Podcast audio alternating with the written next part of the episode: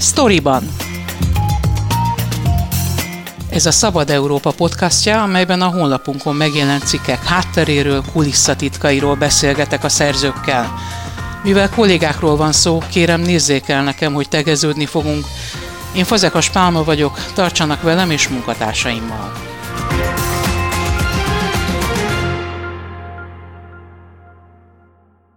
Gorán másfél évesen olvasott, két évesen írt és számolt. Kínaiul, angolul tanult. Amikor az óvodában más napocskát rajzolt, ő egész naprendszereket. Édesanyja elmondása szerint értelmileg hihetetlen sebességgel fejlődött, szinte követhetetlen volt, de ezzel párhuzamosan a gyerektársakkal abszolút nem találta meg a hangot.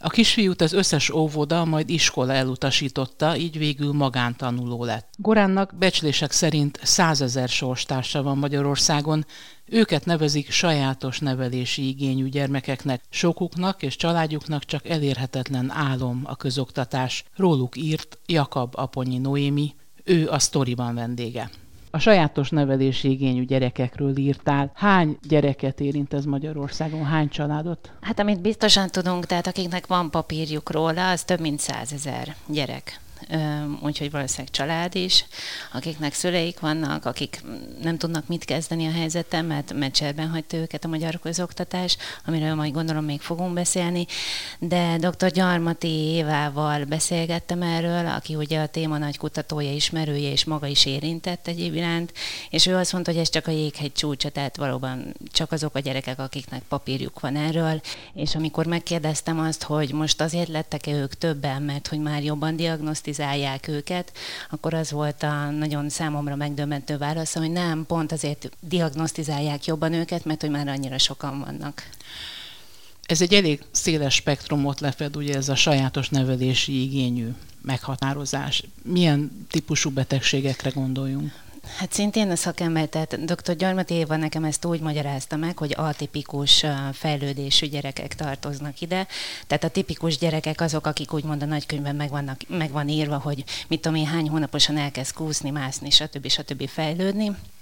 Ezek a gyerekek viszont nem, nem így fejlődnek, lassabban fejlődnek, valamelyik, valamelyik készségük, képességük nem is tud sohasem úgy kifejlődni, mint, mint mondjuk a tipikus gyerekeknek de hogy mivel, hogy valóban ők annyira sokan vannak, most már egyre többen, ezért, ezért a szakember azt mondja, hogy, hogy el kell gondolkodnunk azon, hogy ahelyett, hogy, hogy rájuk húzzuk ezeket az SNI, BTM, ADHD gyönyörű szép betűszavakat, lassan most már tényleg az atipikusak lesznek többen, tehát hogy valószínűleg illeszkedni kéne hozzájuk a, például a magyar közoktatásnak is, de hogy csak egy pár példát mondjak, hogy ide tartoznak például a diszlexiások is, a diszgráfiások, a diszkalkuláriások, ide tartoznak persze az autizmus spektrum zavarral élők is, és még nagyon sokan. Konkrét példákkal mutatott be, hogy mit jelent egy család életében az, amikor az egyik gyermekről megállapítják ezt a bizonyos sajátos nevelési igényt. Hogyan léptél kapcsolatba ezekkel a családokkal, illetve miért pont rajtuk keresztül mutatott be ezt a helyzetet?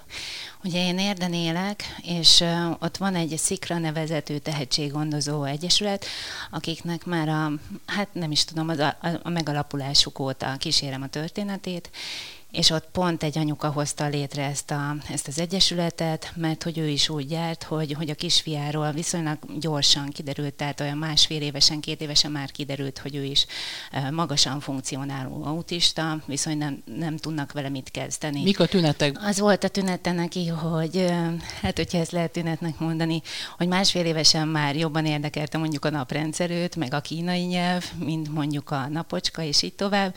Aztán amikor óvodába mentek, akkor akkor, akkor viszont nem tudott beilleszkedni. Tehát, hogy ő, ő az a fajta gyerek, aki hiába zseni, úgymond, már mondjuk az édesanyja ezt a szót nem szereti használni rá, de hogy hiába ta, tud mindent a csillagrendszerről, hiába beszél, nem is tudom, most kilenc évesen négy nyelvet, a kortársaival nem találja a kapcsolatot. Milyen tüneteket tapasztal például egy óvónő, amikor látja, hogy valami nem stimmel? Magába zárkózik, nehezen lehet felhívni a figyelmét, illetve megtartani, és ezzel ugye az óvónők nem tudtak mit kezdeni, úgyhogy az óvodából viszonylag gyorsan kikerült úgyhogy édesanyja otthon próbált őt fejleszteni, aztán amikor azt látta, hogy nem kap gyógypedagógus fejlesztést, akkor ő ment utána, és akkor észrevette, hogy, hogy ezzel a problémával nincsen egyedül, nagyon sok érdi és környéki család ugyanígy érintett, és ezért hozta létre ezt az egész csoportot. Annak idején írtak az emminek, azt hiszem két éve most már,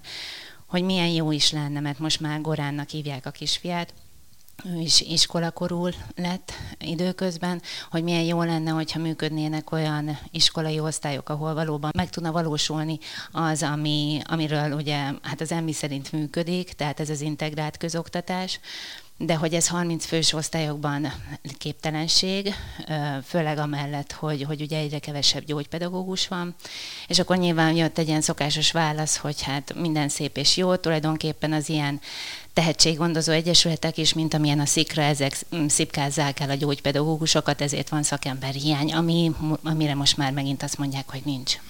Ez nagyon nagy anyagi áldozatot is jelent egy családnál, hiszen ahogy is mondtad is, elég gyorsan kikerült például Gorán is a, az óvodából. Hogyan tudják ezt megoldani? Például egy szülő, aki egyedül neveli a gyerekét, azt hogy tudja megoldani, illetve hogyan tud lépést tartani azzal, hogy fejlesz-e a gyereket? Hát tök jó kérdés, nem is tudom, hogyha egyedül neveli őt, akkor, akkor nem tudom, hogy hogyan. Tehát, hogy tényleg ez egy teljes embert igényel.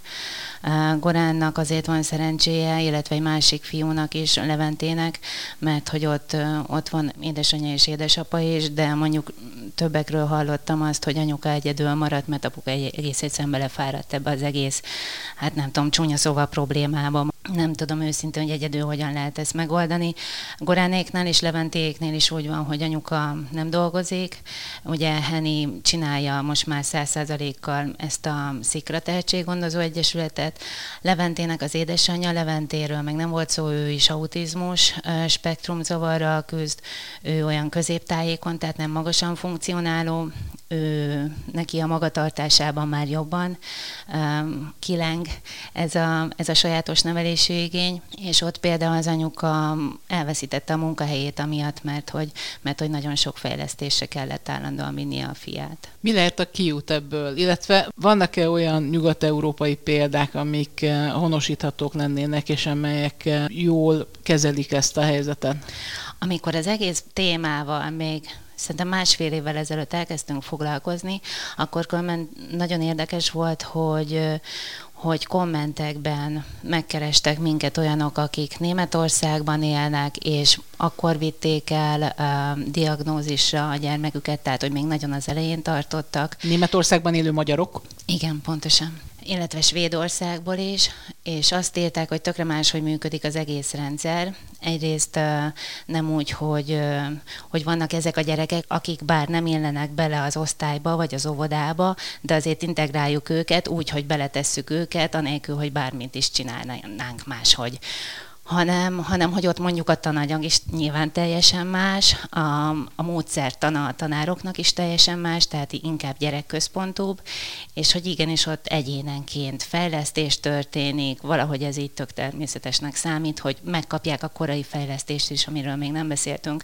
ami nálunk is nagyon-nagyon fontos lenne, és nagyon sok család életéből hiányzik, ugye, tehát ez a korai fejlesztés, ez a nullától hat éves kori időtartamig, ami hát végül a három évesig tudom tudom, úgy tudom, hogy, hogy addig nagyon meghatározó az, hogy milyen ingerek, élmények érik a gyermeket, de hogy, de hogy ezeknél a gyerekeknél nyilván azért ez kitolódik, és hogy nálunk például, hogyha jól tudom, van is egy ilyen szabály, hogy három éves korig nem is hozhatnak hivatalosan diagnózist, tehát hogy az egész kicsit el van csúszva, és egy hát nyilván ott kezdődhetne az egész, hogy gyógypedagógus képzés, és most meg, meg kéne nézni, hogy mennyien mentek, mennyire motiváló az, hogy, hogy most milyen anyagi társadalmi társadalmi megbecsültsége van a gyógypedagógusoknak, és hogy ki fog valóban ezekkel a gyerekekkel foglalkozni, hogyha mondjuk a szülők nem tehetik meg. Hogyan próbál ez az Egyesület segíteni? Milyen terveik vannak? Van-e valamiféle tárgyalás az szaktárcával? Megkerestük nem ebben a témában, de ehhez is hozzászóltak végül is a Társaság a Szabadságjogokért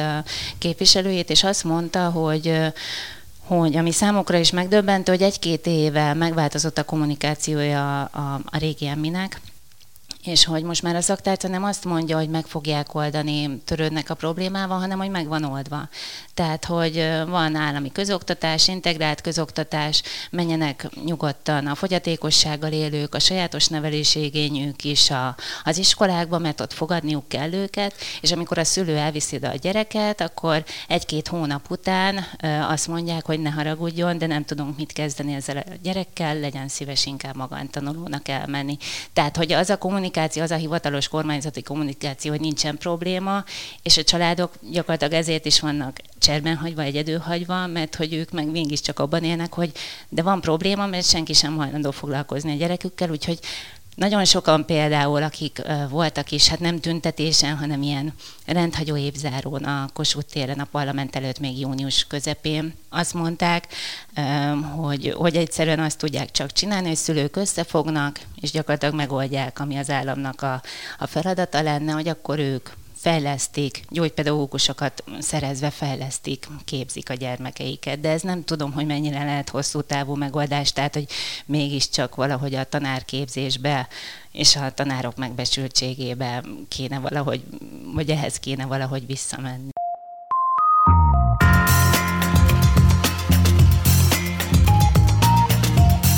Ez volt a Storyban, a Szabad Európa podcastja, a honlapunkon megjelent cikkek hátteréről, kulisszatitkairól. Én Fazekas Pálma vagyok, köszönöm figyelmüket munkatársaim nevében is.